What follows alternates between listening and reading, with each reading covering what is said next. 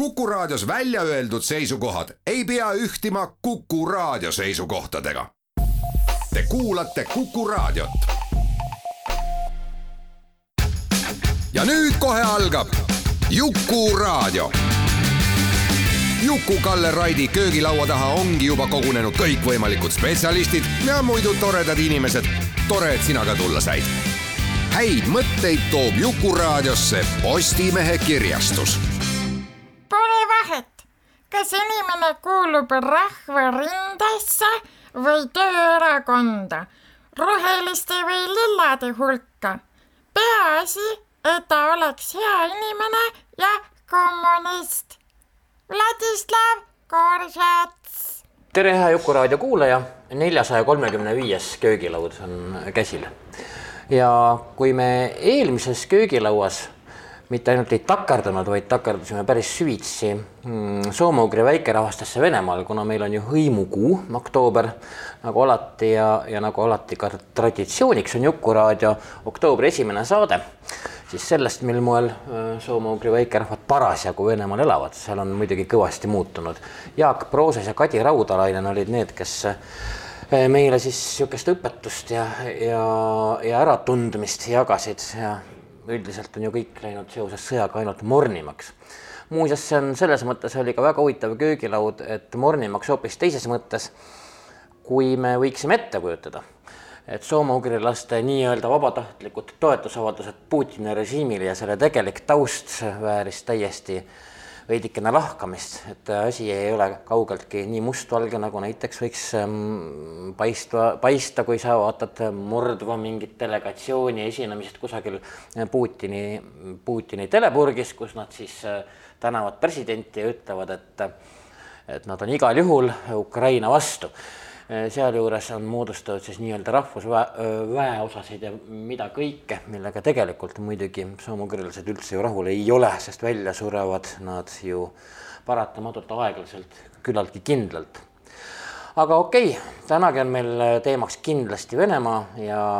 ja meil on täna siin köögilauas niisugune inimene, kes on täna välisminister, aga tulevikus ka venelaste jaoks kriminaalkurjategija, üks ei sega ilmselt teist. Urmas Reinsalu, tere tervist ja huvitav on vaadata siin uues ajutises Kuku klubis, et rääkisime siin just, et tuletas veidi meelde seda vana eeslitalli, eeslitalli, kuna nii sopiline oli nagu Toomale. no vot, et sa ütlesid, et seda venkude ähvardust, et sinu vastu algatatakse kriminaalasi ja mida kurat teab veel, ei maksa tõsiselt võtta, kuna mitte ühtegi venelast öeldut ei maksa tõsiselt võtta. see enam-vähem sinu statement oli niisugune noh jah, eks ma lugesin ise seda äh, proua Zahharova avaldust ja eks ta poliitilises kontekstis, riikidevahelistes suhetes kontekstis on, et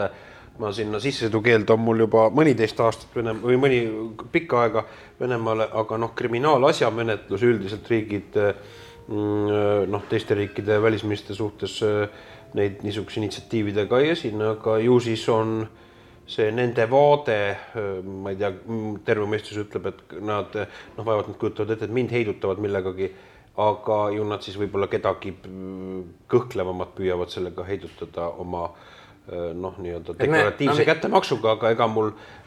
plaani lähitulevikus ilmselt nüüd ka selles perspektiivis, kuni Putin võimul on Venemaal ümber paikneda lühiajaliselt ei ole. muuseas, muuseas Eestis on terve hunnik inimesi, kes on aastaid tagasi saanud Venemaale sissesõidukeelu, mina kaasa arvatud. ja enamasti puudutab just nimelt, äh, kui me just rääkisime eelmisest köögilauast, soome-ugri äh, rahvaid ja, ja sellesuunalist tegevust, sest äh,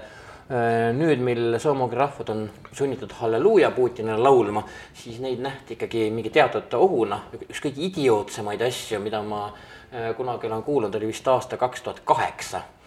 Eh, Soome-Ugri maailmakongressil Hantõmansiskis, kus siis seal olid väga vilkamad tüübid, president oli Medvedjev, eh, kippusid süüdistama eh, väikerahvaid, no marisid, komisid, keda on siis kusagil seal mõnesaja tuhande juures üldse olemas oma keele rääkijaid, et nad kavatsevad Venemaal iseäralikku soome-ugri riigipööret sooritada. et kõik need, kes seda nendega tegelevad, neid toetavad, on see siis õpikute või, või mingite kultuuriüritustega, siis nagu mahitaks kaasa Venemaa riigipöördele, noh, see on ju täiesti lausa lust ja lillepidu, milline jõud on soomugrilistel. ja mulle meenub, et kas see ei olnud mitte, kes seal siis oli, keegi Riigiduuma oli ta nüüd Kossatšov või ma ei taha sõnu suhu panna, aga äh, esindaja, kes mingis sarnases mõttekäigus, kus siis nii-öelda, et käed eemale, lääne käed eemale meie soome-ugri rahvastest või meil äh, elavatest soome-ugri rahvastest Vene Föderatsioonis, et selle peale ju protestiks Toomas Hendrik Ilves nii-öelda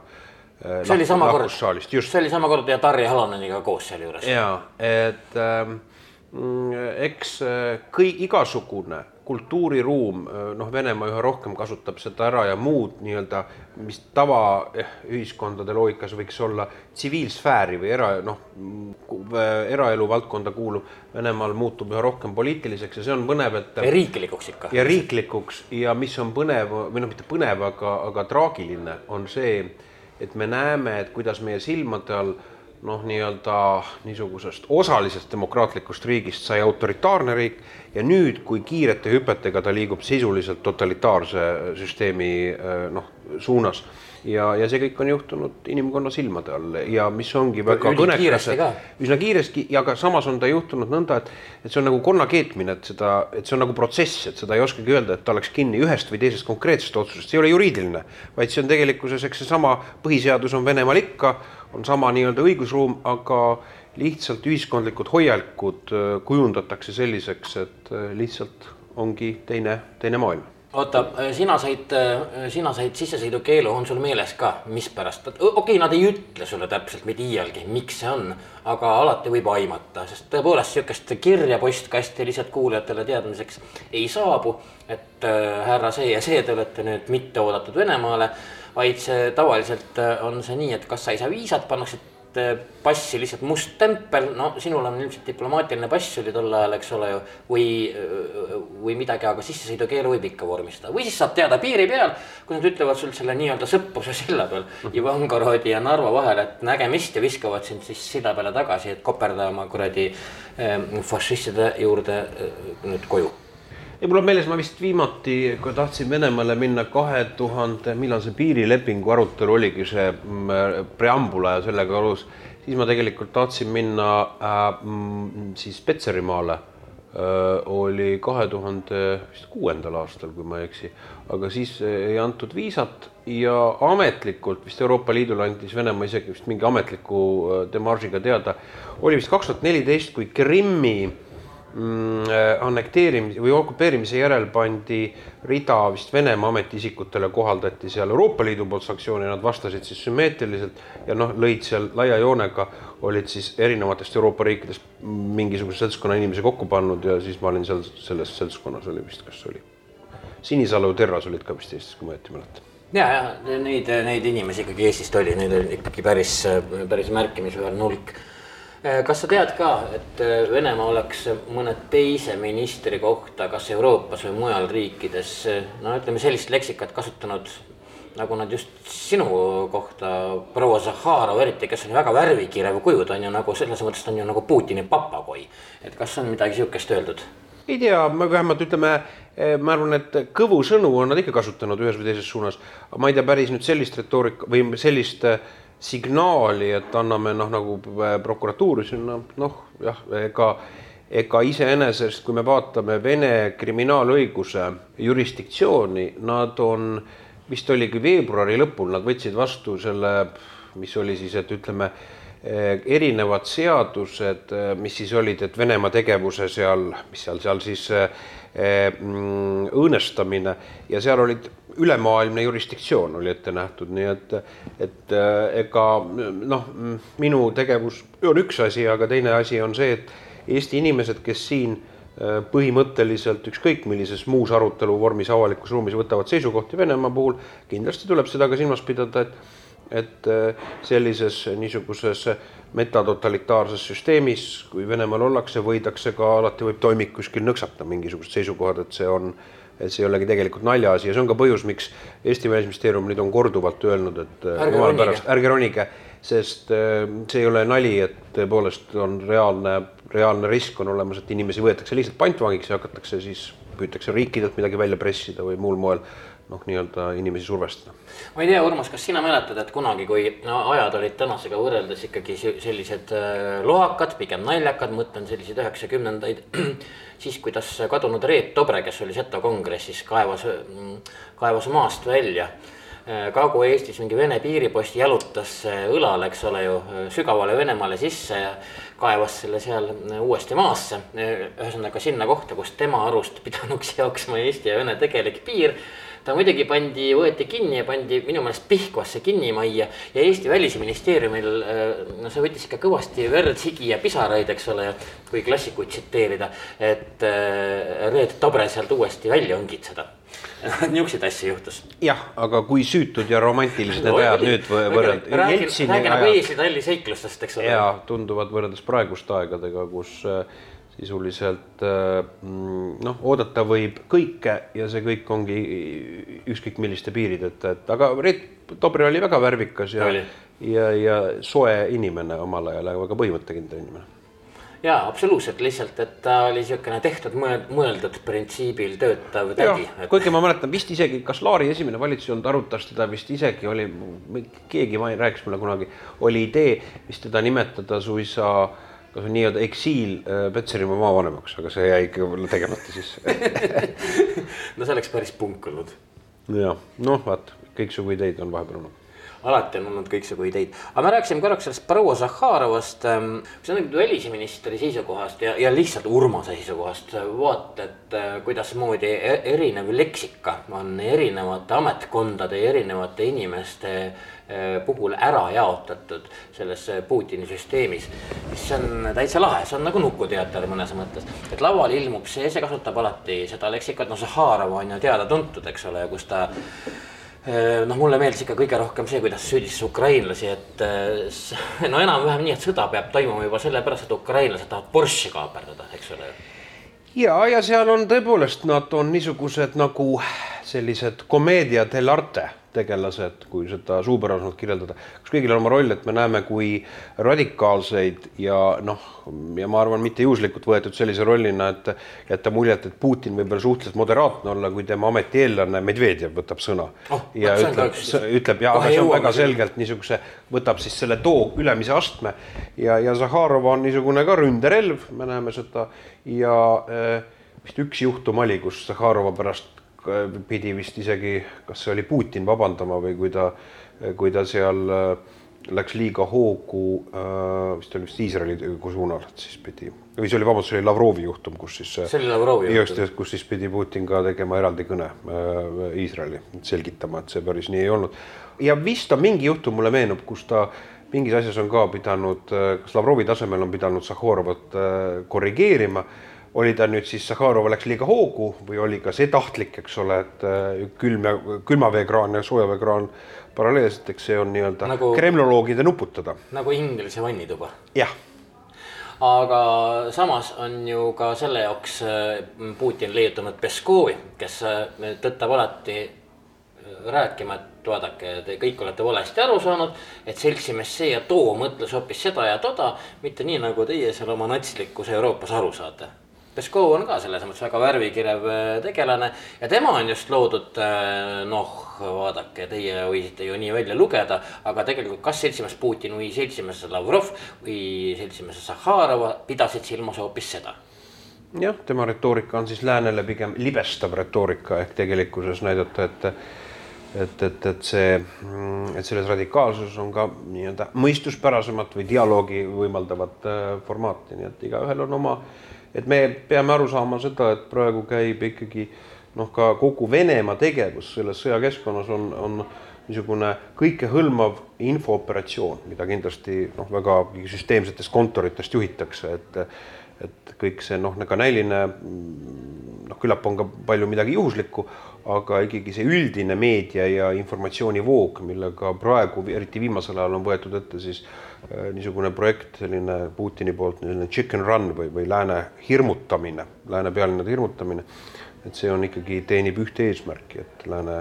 et osa lääneriike lööks, lööks kõhklema, põnnama, põnnama, jah. ja nüüd siis äh, Medvedjevit sa mainisid ja see on üks kõige ägedamaid metamorfoose võib-olla sellepärast, et kui Medvedjev oli president,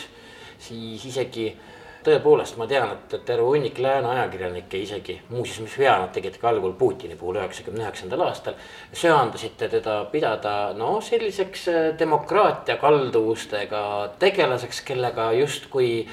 mm, oleks võimalik dialoog ja siis ütleme seda Putini Medvedjevi tandemi juttu, et noh, nad seal vahetavad neid klotse nagu nad tahavad. noh, seda kiputi juba sildistama ka lääne poolt, kui noh, pigem võib-olla kepite natukene üle, et, et, et olete liiga russofoobid. et lõppkokkuvõttes Medvedjev võib ju olla täiesti normaalne, sest et mõnes mõttes ta ju selliseid signaale andis, noh, ta oli ka ainukene Vene president, kes juba siis saate alguses mainitud Sosomugri kongressil käis kaks tuhat kaheksa naeratas seal ilusti ja, ja soovis kõigile jõudu ja tervist ja võttis isegi terviseks, ehkki klaasis oli vesi, aga no mis siis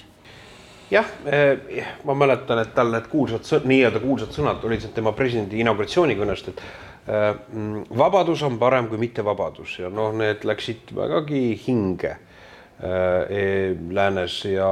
teine mõttekäik, mis oli siis, et noh, et kui niisugune ta kahtlemata ka tahtlikult äh, Venemaa või noh, Kreml ehitas tebast siis niisugust kuvandit ma ei tea, mis bänd talle väidetavalt siis meeldis, Uriah Heep või oli mingi või Led Zeppelin või midagi oli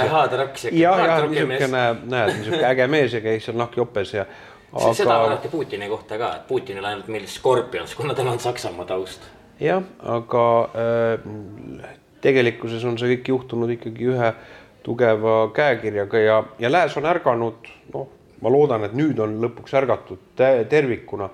et kõik need sammud, mida me noh, Venemaa poolt selle paarikümne aastaga oleme käsitlenud, mm, et need ei ole lihtsalt üksikud aktsioonid enese kehtestamiseks või alaväärsuskompleksi või mingi geopoliitilise huvi maksma panemiseks, need on ikkagi süsteemne plaan pikema aja jooksul saavutada noh, ikkagi ülemvõim lääne üle. ja taastada impeerium selles loogikas, nii et ja see on ja siin ongi nagu kes keda võitlus selles loogikas ongi esile kerkinud. korraks veel Medvedjevi juurde tagasi, sellepärast et sellest samast äh, noh, nii-öelda demokraatiale kalduvast Kremli esindajast on ju saanud sihukene, niisugune kuri räuskav päkapikk, kes, äh, kelle leksika isegi Sahharov on, puhkab selle kõrval aeg-ajalt jah, see on aines nagu jällegi kriminoloogiaks, et kas see on tema enda ehitatud kuvand nüüd, et üldse selles olukorras, kus noh, ilmselgelt ta on kõrvale jäetud või kõrvale tõstetud ja noh, on arutelu koht, mille üle on ka spekuleeritud, et Venemaal nii palju kriitikat tema üle, kui mäletame tema hilisest peaministri ajast, kui teda samastati korruptsiooniga, et kas see oli Putini võte nii-öelda lasta õhku välja, siis panna need patud ühe mehe õlgadele, Medvedjevi õlgadele, siis ta tõsta ametist kõrvale või äh, on ta tegelikkuses puhtal kujul nukk, kes ongi, täidab siis Kremli infooperatsiooni, et et see Medvedjev on niisugune hologramm, et eh, kus me hologrammina noh, läänes võetakse tõsiselt, endine president, eks ole, noh, ju tal ikkagi on sõnakaal, et ja esineb noh, selliste ju noh, täiesti apokalüptiliste siin äh, visioonidega. ja jah, see üks vahvamaid lauseid, mis ka Eestit puudutas, oli muidugi see, et, et mitte teie vabadus siis puudutas Eesti vabadust, ei ole mitte teie saavutus, vaid meie venelase tegemata jäänud töö. jah aga noh, jällegi see asetatakse nii-öelda uude normaalsusse ja uus normaalsus on see, et et meil, kui me noh, kõnele, ma arvan, et täna vast kellelgi ei ole Eestis illusiooni selles olukorras, et kui meil neid raudvarbasid täna ees ei oleks metsalisel, mis puudutab siis noh, meie liikmelisust NATO-s, et kui, kui lühikene tõenäoline ajaline viive oleks, et meie kõrri hüpatakse kuidas me selgitame ikkagi seda, et äh, läänel, NATO-l kaasa arvatud, võttis see äh, nii kaua aega, ehkki me nüüd oleme takkajärgi kuulnud ja, ja mujaltki, et, et oleks võinud Ida-Euroopa riik, eriti siis Baltikume noh, veidi varasemalt kuulata. aga samas me võime ka Eesti meediast lugeda, et, et kodanik Reinsalu, eks ole ju, reisib äh, kuhugi läände ja ka tüütab teised lihtsalt ära oma selle jutuga, et Venemaa on suur oht ega usk on olnud ja ega ma ütlen, et see usk võib jälle revitaliseeruda ennekõike kokteilina hirmust ja, ja, ja, ja noh, siis pragmaatilisusest, mingisugusest lootusest, et mind ei panda tähele, et elame need ajad üle, on ikkagi see, et nii-öelda lepituspoliitika, et sama küsimus, et noh, praegu on ju, on ju kerkinud esile seesama küsimus, mida Zelenskõi pani lauale, et Ukrainast peab saama NATO liige, kes esitas ametliku avalduse. et kui me mäletame siis äh, kahe tuhande kaheksandal aastal libiseme ajaloos neliteist aastat tagasi aprillikuus Bukaresti tippkohtumisel, seal ju Venemaa ähvardas, Putin ise reisis kohale, et äh, mingil juhul ei tohi anda nii-öelda liikmelisuse teekaarti äh, Gruusiale, Ukrainale. ja selle peale läks kõva võitlus,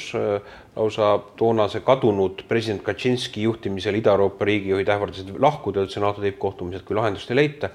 ja siis oli kompromiss niisugune, äh, et äh, Ukraina ja Gruusia tulevikus kindlasti võivad või,, on, on äh, NATO liikmesriigid ilma mingisuguse võivad olla, mitte on. jah, ilma mingisuguse noh, nii-öelda praktilise teekaardita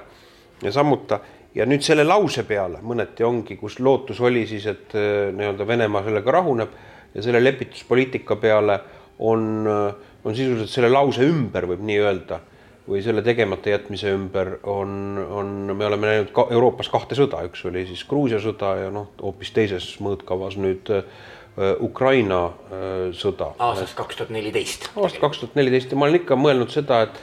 et me ju ei saa unustada seda, et kuni vee, noh, sisuliselt selle aasta alguseni oli ju lääne, lõviosal lääneriikidel suhtumine, et Ukrainale ei tohi relvi anda äh, abina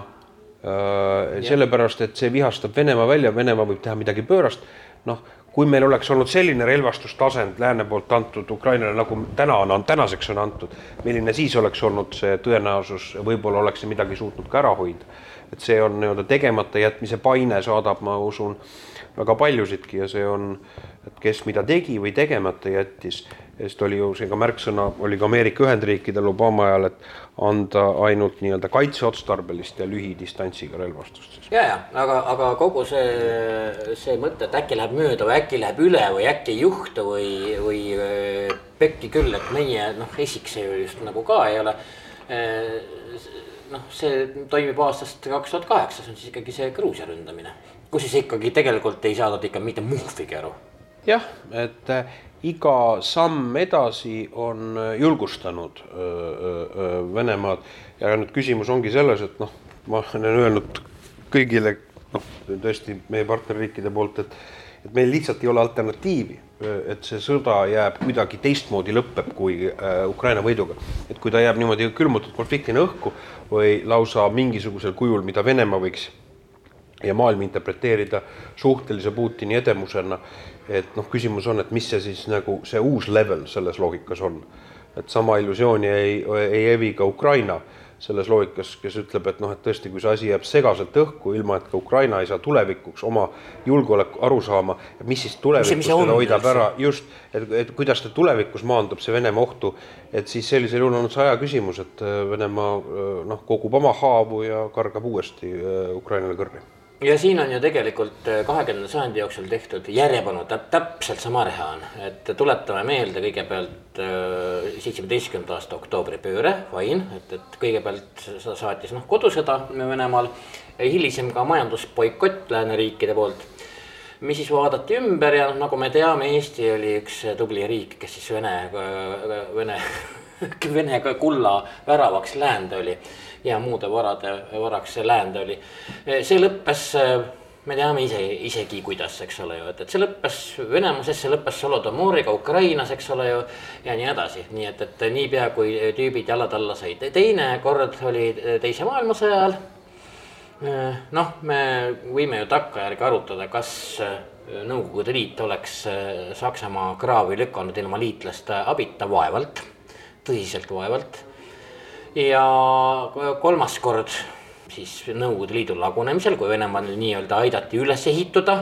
ja ikkagi see lõppes siis Putiniga ja nüüd on siis nagu neljas kord täpselt ikka on seesama äh, jama. et, et äkki äh, tulevad mingid Elon Musk'i sugused tegelased ja mõtlevad, kuulge, et, et äh, ukrainlased, et sitta sellest Krimmist ja nendest oblastist, et, et lõpetage ära ja hakake neutraalseks, siis on jälle rahu majas ehkki ilmselgelt meile näitab vähemalt sada aastat, ma räägin ainult lähiajaloost, et seda ei juhtu. jah, mida, kuidas õpetas meid Vladimir Iljitš Uljanov, et äh, hea raha eest müüvad bursuid ka, ka äh, köie, millega neid üles poome ja võib-olla selle Musk'i puhul, noh, ta on väga ekstsentriline tüüp, eks ole, mida ja, peab no, kõnema inimene, kes. tema peabki see sisse ei näe. jah, kes on niisugune, niisugused mm,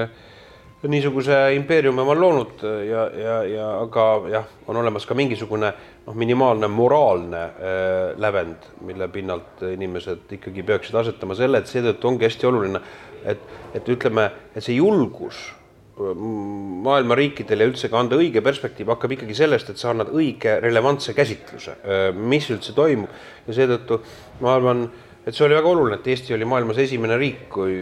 kes andis hinnangu oma parlamendi tasemel, et see, mis toimub Venemaa poolt Ukraina vastu, on genotsiid, genotsiidisõda. ja see tähendab seda, et see annab ka noh, relevantse käsitluse, tõe rääkimine, kuidas äh, suhestuda Venemaasse ja et tegemist ei ole niisuguse suvalise relativistliku rahvusvaheliste suhete untsu jooksmise probleemiga relvastatud konflikti näol, millele leitakse nagu läbirääkimiste teel lihtsalt lahendusi, liigutakse edasi. ei, et Venemaa isoleerimine meie jaoks tähendab kindlasti ka seda, et rahvusvaheline tribunal Venemaa agressioonikuritegude puhul tuleb luua, et see, kui nüüd ka inimkond, kes ei olnud võimeline noh, mõtestama ka õiguslikult läbi või hukkamõistuga eh, kommunistlikku totalitaarset pärandit ja nüüd kerkis see kuidagi, taas kerkis üles kuskilt sooaurude seest. Ja kui ka nüüd ei suudeta sellele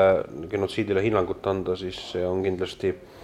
noh, moraalne läbikukkumine kogu, kogu kaasaegsele maailmale see ei pruugi olla ainult moraalne läbikukkumine, see võib tähendada. jah, sest ega osakaal maailmas neid demokraatliku riikidena loetavaid riike on ikkagi ju mõnikümmend, kümnetes loetakse maailmas, et see on vähemus ja nende osakaal maailmas kahaneb, et, et see läbikukkumine tähendab seda, et, et kindlasti autoritaarsus ja, ja võimuga enda maksma panemine teistsuguse, meile teistsugust tüüpi elulaadiga, et on, on, saab hoogu juurde okei okay,, me teeme äh, pausi, Urmas Reinsalu on äh, Jukuraadio neljasaja kolmekümne viiendas köögilauas Kuku klubis, aga me oleme kohe tagasi. Te olete Kuku raadio lainel ja kuulate Jukuraadiot. häid mõtteid toob Jukuraadiosse Postimehe kirjastus. paus peetud, neljasaja kolmekümne viies Jukuraadio jätkub ja Himke tornis kuues Kuku klubis, mida siis Urmas Reinsalu, kes on meil täna siin, äh, võrdles kunagi Seesli talliga ja tõepoolest on see jah, niisugune mõnus sopiline. võib ära eksida umbes nagu, äh, umbes nagu eurooplaste äh, koondarvamus Venemaast, mis on ka ilmselt, ilmselgelt väga sopiline. ja on siiamaani väga sopiline. ja, et siin on ilu-, huvitav niisugune popkunsti pildid üleval yeah.. Heegel on meie selja taga, kes ütleb end of art, ma ei tea, mida iganes see kood tähendab. ja siis on üks puuts on eh, Juku-Kalle selja taga, kus on kirja peale yeah. kirjutatud Gagosian. jah, I took my first LSD and went to art museum. Nonii, väga õdus see on väga õdus igal juhul, jah. aga ikkagi, äh, sopiline see kuvand Venemaast on. no sinul on näiteks hoopis teistsugune kuvand mõnel teisel välisministril, kui mida kaugemale me Venemaast sattume, seda, seda leebem äh, või noh, ütleme äh, üldsõnalisem see kuvand kipub olema, mis on ka mõnes mõttes mõistetav. geograafilised ajaloolised iseärasused. jah, eks ta ikka on, et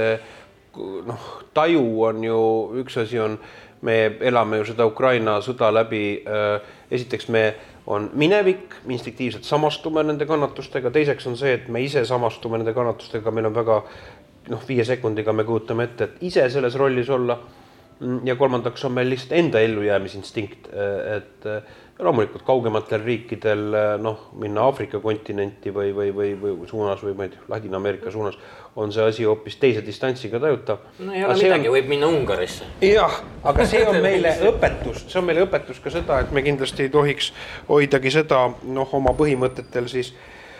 neid joonlaudu, mis tähendab vägivallale ja ülekohtule vastuseismist ka teistel kontinentidel, et muidu me kaot-, minetame enda jaoks, nii iseenda jaoks kui teiste jaoks ka selle tõsiseltvõetavuse, mis tähendab, olgu ta siis näiteks Maduro režiim Venezuelas või, või praegu ka Iraani äh, kriis ja totalit- ja, ja, ja see vägivald, mis seal aset leiab. Okei okay,, aga kui ma kujutan sind ette kohtumas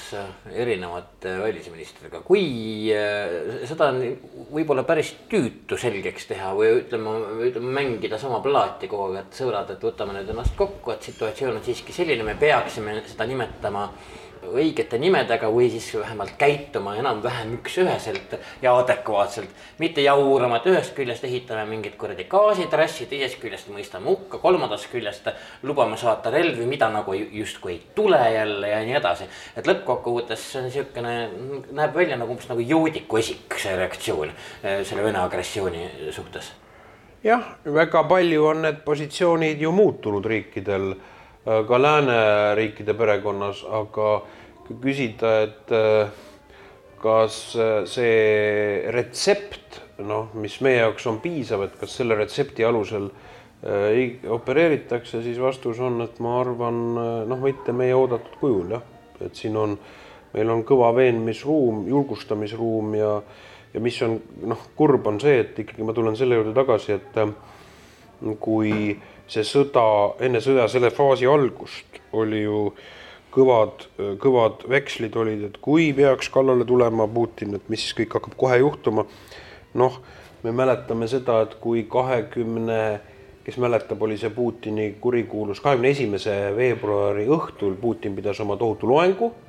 ja siis teatas, et ta kavatseb annektee- või tähendab, kavatseb tunnustada Luganski ja Donetski iseseisvust. ja siis kahekümne teise õhtul Euroopa Liit ja pärast seda siis see kogunes, oli see tohutu nii-öelda siis see nende, mis ta oli siis riiginõukogu või, või mitte või mis seal julgeoleku koosolekus siis mõned mehed riielda said, kui me mäletame seal. Putin kuulas seda ja siis oli tegelikult Euroopa Liidu reaktsioon oli selline, et kuidas ta reageeris siis sellele ta reageeris sellele, et ta pani Vene Riiginõukogu liikmed sanktsioonide alla ja teiseks ta ütles, et Donetski ja Luganski kaupu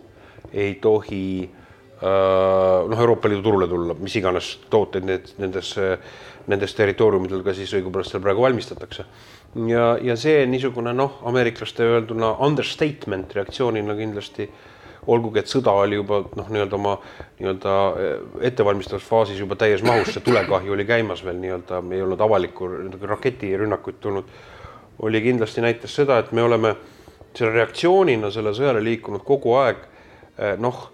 uue õuduse, uue aktsiooniga, järjest lähemale küll, aga selleks on vaja olnud, et tõukejõuks on olnud Putini tegevus, üha pöörasem Putini tegevus ja siis on nagu reaktsioonina sellele kaasa liigutud aste-astmelt. Ja see on olnud hirmus pikk eh, nii-öelda too little too late, nagu ütlevad äh, ameeriklased jälle. Ja selle, selle ajaveksli on kinni maksnud kes muud kui ukrainlased oma verega huvitav, kas niisugune asi on ka äh, võimalik äh, läänemaailma puhul, pean siis silmas siin, võtame nad enam-vähem Euroopa Liidu, Ameerika, äh, siin muudki võib-olla Kanada ja nii edasi, noh, pole, pole praegu isegi oluline kokku, et mingeid ennetavaid meetmeid kasutusele võtta, no sa rääkisid kasvõi retoorikast et kurat võtaks, et see on, see on genotsiid, see on, eks ole ju soov alla neelata üks rahvas, üks riik ja, ja mis ähvardab kogu kontinenti et kas mingit ennetavat asja võib üldse loota küllaltki keeruliselt mehhanismilt, nagu see Euroopa strukturaalselt on? ega ta lihtne ei ole muidugi, et äh, kui äh,, aga põhimõtteliselt jah, ma arvan, et äh, niisugune sellises vast-, nii suures vastasseisus, noh, kogu gloobust puutuvas vastasseisus äh, et äh, ma usun, et, et Putinit on kindlasti meie huvides oleks, et üllatada niisuguse tugevama äh, käekirjaga ja improviseerivama käekirjaga ja yeah. Ameerikas ma mäletan eelmise aasta detsembris kutsusid ju ka äh, erinevate mõttekodade noh, esindajad presidenti üles, et aga kehtestame ennetavad sanktsioonid, et Putin teab, et kohe, kui ta läheb no, ründama seda, siis ja siis tuleb automaatselt, keegi enam ei hakka midagi hellitamagi, vaid nõp-, mõtisklema, vaid on juba teada, et milline kujuneb esimene nagu vastulöök, mis kohe tema enda tegevuse tulemusena rakendub. ja mul on meeles, et me, me neid päevi meenutasime, üheksateistkümnendal äh, veebruaril oli Zelenskõi äh, Müncheni julgeolekukonverentsil ja seal ta ütles, mis tema sõnad olid, kõned võib välja, selle kõne võib välja öelda, ta ütles, et sõda, sõda on ukse taga, palun kehtestage ennetavad sanktsioonid Venemaale, ehk siis palus seda mm -hmm. viis päeva enne, aga noh, ei tehtud ja millest siis see probleem on, et, et seda ei suudeta no kurat, et nüüd vähemalt ma saan aru, et, et viis päeva enne sõda, noh äh,. hästi palju tarku ennustajaid ei uskunud, et see sõda tuleb, eriti noh, mida jälle Vene piirist kaugemal, seda vähem usuti, eks.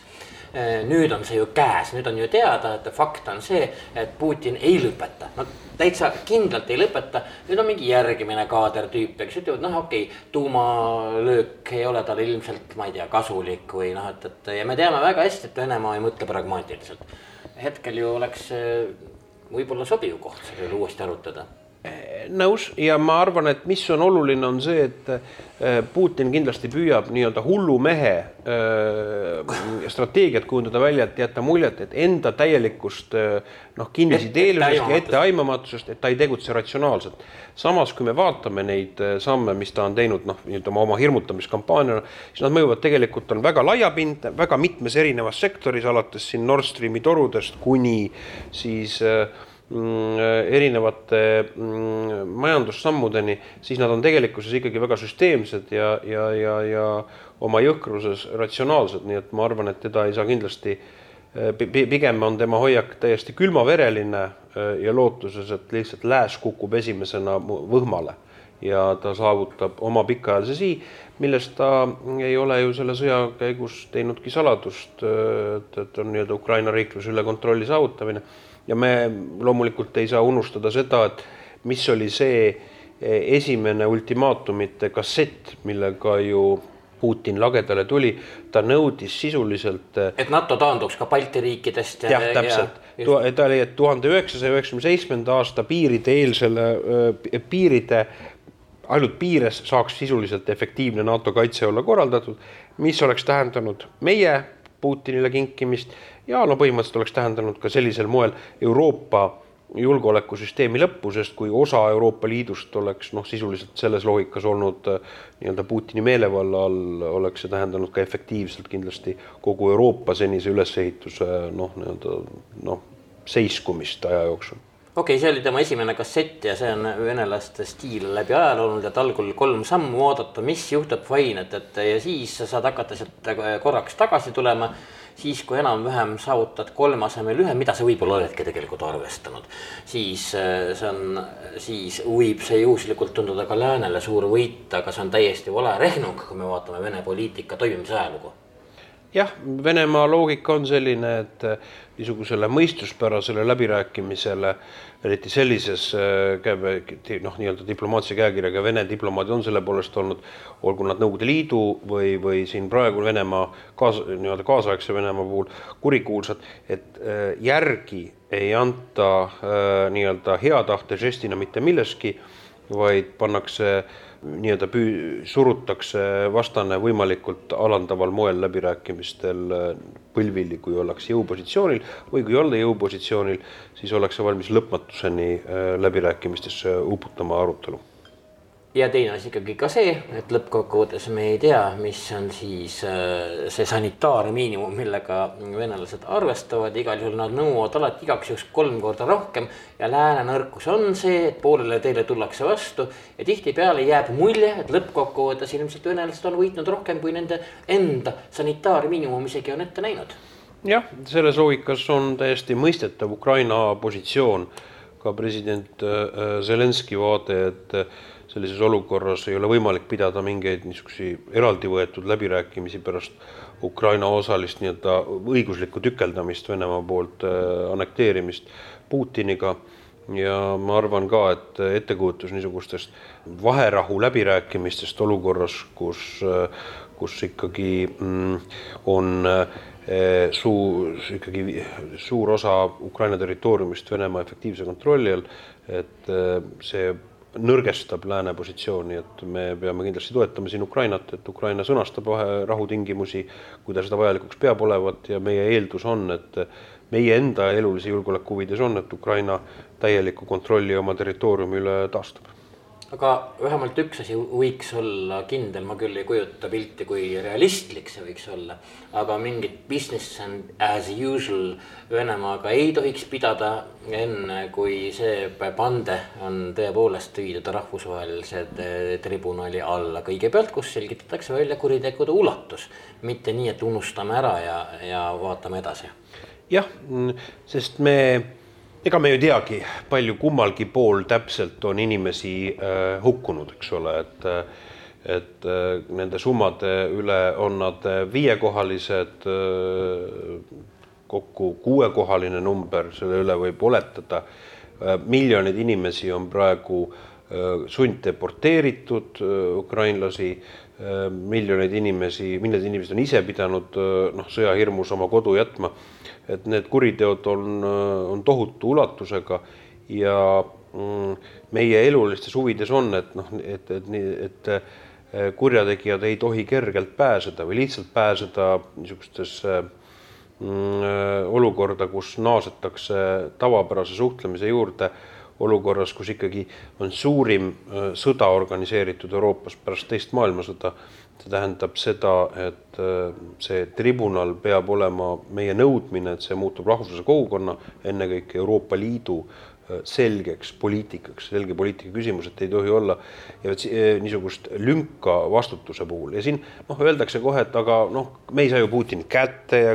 Kremlist ja nõnda edasi. ei, küsimus ei olegi mitte selles, et kas loomulikult on ju selge, et seda kohtupidamist rakendada on võimalik alles siis, kui Putinil enam võimu ei ole, kui teda füüsiliselt kontroll saavutatakse. aga juba see eeldus teisi riike, lääneriike paneb eh, sellest business as usual'ist taganema et mm, keeruline oleks olnud ka neljakümne viienda aasta sügisel Hitleriga pidada arutelusid ja kohtuda, kui me, tegelikult oli Nürnberg kuidas me peame sõjakurjategijega pärast läbi rääkima? jah, see küsimus, kui ta tegelikult on tagaotsitav hoopis rahvusvahelise tribunali puhul, et see moraalne relativism tuleb ikkagi noh, kõrvale heita, meil ei ole alternatiivi sellele üks asi, mis on hästi jabur ja mis meenutab mulle veidikene, õigemini sunnib võrdusmärki tõmbama Eesti ja Vene ajakirjanduse vahele on see, et, et ja sa, sa vaatad mind siukse nagu, nagu sa ei saaks aru, aga võib-olla kohe saad. et kui me nüüd mõtleme sõja alguse peale, siis noh, neid anekdoote me teame kõik, et viiendal päeval pidi olema Putinil võiduparaad Kiievis ja nii edasi mm, -hmm. nii edasi, eks ole ju. ja, ja siis kell viis võiduparaad ja kell üheksa õhtul Filipp Kirkorovi kontsert Kiievis Hreštšatikul siis kuude kaupa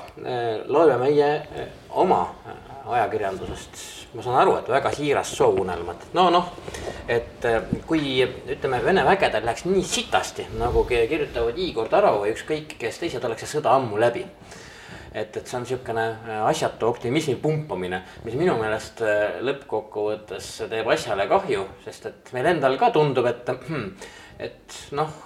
me võimendame ukrainlaste vasturünnakuid, tegelikult ei saa aru, et venelastel ei ole kaugeltki võhm väljas, vaid see on ikkagi täielik, vabandust väga, see on absoluutne perse, mis seal võib veel juhtuda. jah, kahjuks küll, et selge on see, et ega Eh, kui ka see osaline mobilisatsioon, et noh no,. Eh, see osaline, see on juba osaline mobilisatsioon, see tähendab Vene puhul puhast nalja, anna andeks. ja, aga noh, tõsiasi, tõsiasi on see, et kui ikkagi noh, pärast lühikest väljaõpet sajad tuhanded inimesed jõuavad noh, nii-öelda rindeolukorda, loomulikult neil on tugev ju mõju ka selles sõjaloogikas, seda ei saa ju eitada. ja e, aga kindlasti me ei tohi niisugust, eks, eks see on meie nii-öelda enesealalhoiu inst-, küllap see on psühholoogiline loogika, kuna me nii soovime näha oma mm, -hmm. oma võistkonna võitu, siis, siis see mm,, ka see, siin on selge, et ega siis. Eesti laskesuusatajad jälle, jälle esisajas. aga üks asi, mis ma olen ikkagi mõelnud ja, ja küsimus on selles, et mm, Ukraina vapralt pidas vastu, neil oli oma sõjaplaan, nad noh, nii-öelda eh, suutsid selle esimese püsti seistes võtta vastu selle esimese löögi aga mm, kui oleks läinud ka teisiti, me kujutame ette seda, et näiteks Ukraina ei oleks nii tugevalt suutnud vastu seista, vaid Kiiev oleks ära võetud, oleks mm -hmm. Ukraina territooriumi võetud. see oli Kevadel... väga napp, see oli. ja siis küsimus on, et milline oleks siis kevadel olnud lääne reaktsioon mm -hmm. sellele, kus ütleme, Ukraina on võetud üle, ütleme a la Janukovitš oleks olnud Kiievis ja, ja kui tugevalt oleks siis lääne reaktsiooni puhul nüüd, kus me täna genotsiidi olukorras ei ole suutnud saavutada seda Konsensus. sanktsioonide nii-öelda piisavat taset ja rahvusvahelise reaktsiooni piisavat taset, et siis, kui oleks olnud suur osa Ukraina territooriumist, Ukraina territoorium, eks ole, mm, Venemaa kontrolli all või Venemaa nii-öelda selle nukuvalitsuse kontrolli all ja, ja millises olukorras me täna oleksime kogu Euroopa äh, selles, et Venemaa suudab oma tulemusi saavutama, et ega Putin selles mõttes, mis oli mm, tema valearvestus oli, et ta usaldas seda sõjalist nõuannet valesti, eks ole, et see oligi. või noh, õigemini nõuannet ilmselt ei olnud, et noh, jah, või oli see siis niisugune üles haibitud ja blufitud nõuanne ja, ja kipub dikta-, diktatuuride puhul ju nii olema, et, et lõppkokkuvõttes diktaatori ümber valitseb hirm ja räägitakse seda, mida noh, siis julgetakse rääkida. eks see on alati diktaatorite puhul, et, et miks eh, noh, nagu ka ükskõik millise kuritegeliku tegevuse või mingisuguse kin- tegevuse puhul, et miks, miks eh, astuti see viimane samm, mis, mis viis ka kuristikku, et küsimus, kas Putini puhul on see samm astutud, sama loogika on on noh, näiteks me võime rääkida Teise maailmasõja puhul, et kui eh, Hitler oleks seal pidama jäänud mm, -hmm. eks ole, ei oleks Poolale kallale tungida, oleks jäänud Tšehhimaa annekteerimisega pidama jäänud, kas oleks siis see impeerium püsinud või noh, see on alati küsimus, et kus see sü- süsteemi loogika nõuab uue, uue, uuele tasemele selle nii-öelda ahnuse peale. okei okay,, fine, sellest me saame kõik aru ja me saame ka aru, et, et äh, meie ajakirjanduse igal hommikul me loeme ikkagi mingeid asju, et Ukraina on, ma ei tea, edenenud nii ja nii mitu mm -hmm. tuhat ruutkilti, siis noh, ma ei tea, paljud siis inimesest kaardi, kaardikese kätte võtavad ja vaatavad, et mis see tegelikult võib tähendada ja fakt on ka see, et, et Ve- Venemaa vasturünnakud ei jää tulemata, need on verised ja need on päris ilged. et, et muidugi võib alati öelda, et kahju, et Kertši silda päris õhku ei lastud, mul on küll kahju. et noh, raketirünnakud oleks niikuinii tulnud, aga ütleme mingiks selliseks paduoptimismiks, eriti mis oli nagu siis sügisese Ukraina eden-, edenemise ajal, ei ole nüüd küll mingit põhjust me võiksime ikkagi ennast kasvõi selleks kokku võtta, et proovida veel pigem Ukrainale abi koguda. mitte mõelda, et fine, et saatsime oma, ma ei tea, neli drooni ära ja kõik on chill-prill, et, et jooksevad nagu uued seal ringi, varsti maksab Moskvas õlu, eks ju, neli grivnat, nagu need anekdoodid räägivad, no ei ole kahjuks nii. jah, ega ees seisab, olukord läheb raskemaks, Ukrainal ees seisab talv. Venemaa süstemaatiliselt püüab hakkida nüüd äh, neid äh, noh, kütte, energiaga varustamise objekte, mis äh, on üks asi, kui on suvel ei ole elektrit või kütet mm -hmm., noh, mis on suvel üldse kütet, aga teine asi on, kui see on talvel seiskub ja kui ta, et äh, siis, siis sellest kujuneb suur katastroof ja, ja noh, see on kindlasti asi, millele millele Venemaa ka mängib, et äh, püüda selle suurte mobilisatsiooniga kuhjatud kokku väe, uute täiendatud üksustega siis äh, rinne peatada, Ukraina pealetung ja lihtsalt hoida seda sellises olukorras ja loota, et lihtsalt, et aeg töötab Ukraina vastu. arvestame ka sellest, neil on inimestest täiesti pohhui jah, paraku küll. ja veel võib-olla ühest asjast, et eh, sina välisministrina oma Euroopa kolleege, muidki kolleege kohates, kui optimistlikud nad tegelikult on noh, ütleme sellises hüpoteetilises äh, asjas nagu ütleme Ukra- Ukraina lõplik edu või võit või siis äh, venelaste peksmine Ukraina piiri taha? See, mida me saada tahame, seda, mida loodame, ega üldiselt ju ütlevad riigid välja, mis on nende ootused, aga ega mm, ajalugu ei ole kirjutatud. et ega see sõltub väga palju sellest, kuidas lääneriigid ise käituvad, et see ei ole niisugune Hollywoodi film, kus kõik on juba ette pandud, on see Zelenskõi niisugune heroilisus, rahva kangelaslikkus, see lõpeb, peab ju lõppema happy end, eks ole, ongi loogika selles filmis. Happy end'i selles ei ole anyway, seda me teame. jah, ja küsimus on selles, et see võib olla ka niisugune hoopis selline dark cinema, et et ja olukord on, et Ukraina muidugi ei pea vastu ega võida, kui lääs teda ei toeta rohkema ja otsustavamal moel igas suunas majanduslikult, sõja, sõjaliselt ja, ja Venemaad tugevamini äh, survestades ja, ja see küsimus, ega aja, tahtejõu vastasseis on see praegu, lääneriikide tahtejõu vastasseis ja Venemaa ta- tahtejõu vastasseis ennekõike. kui lääs tugevama panustamise asemel ära vajub ja hakkab kõrvale hiilima, siis on kahtlemata see, on see tegelikult ühelt poolt nii Ukrainale lask selga, kui teiselt poolt on see on- Ukraina ei pea vastu ilma lääne abita, see on selge pikemas plaanis, see on lihtsalt, jõud on ülekaalukad ja lask on see ka siis meile endale, läänele laiemalt, ütleme demokraatia mõttele selge kindlasti lask. noh, see on kogu küsimus, et eh, kui kõrgstiilis kõneletakse väärtustest ja, ja, ja ideedest, mille nimel noh, vabad rahvad on kokku koondunud ja ühistööd viljelevad, siis eh, noh, praegu on see küsimus ikkagi reaalsuses, mis puust ollakse tehtud või eh, kas ollakse siis nende põlv, varasemate põlvkondade väärilised, kes on selle vabaduse suutnud alles hoida ja ei ole diktaatoritele allunud, et et see on, ühelt poolt on see, on see lugu ja, ja jutustus ju Ukrainast ja Ukraina saatusest, mm, aga teiselt poolt on see ikkagi jutustus ka meist endist, et et kas tõesti võib juhtuda nii, et me uhkusega vaatavad meie järeltulevad põlved tagasi, et kui kui vapralt ja tublilt me suutsime, suutsime seista. Või vastupidi, on endal häbi noh, piltlikult öeldes peeglisse vaadata mõne aja pärast. aitäh, Urmas Reinsalu, et sa viitsisid Juku raadiosse tulla, ma mõtlesin, meil tuleb mingi lõbus saade nagu tavaliselt, kui sa siin käid. ei tulnud täna. Ajad on karmid, aga ka eestlane oskab olla karm, mulle tuli meelde Lennart Meri tsitaat, ma vaatasin tema, temast kõnelev näidend on tulnud välja vähemalt äh, ma võin öelda, et äh, lihtsalt ütleme nii, et, et lõpetada see positiivsema noodiga, et välisministril on vilts jumala vilt, lips on jumala viltu. nii, maassa maan tavalla, ütlevad soomlased. okei, aitäh, Urmas. Äh, neljasaja kolmekümne viies Jukuraadio on sedapuhku läbi. võib-olla oleme järgmine nädal mingitel lõbusamatel teemadel, aga, aga tõepoolest, et me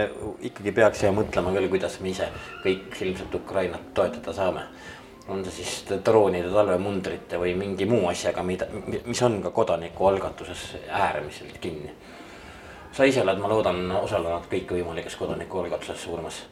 jah, tulebki siia, ongi täna õhtul jõuab siis Ukraina delegatsioon, on parlamendiliikmed ja, ja Žõtomiri piirkonnast, Eesti on võtnud, siis ma homme saan nendega kokku,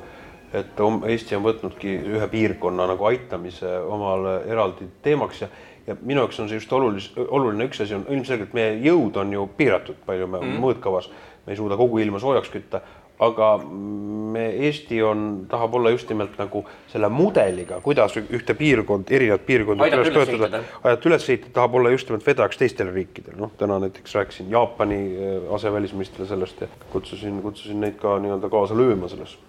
okei okay,, aga aitäh sulle, Urmas, veel kord. sa noogutad, ütle ka aitäh no külastage ajutist Kuku klubi.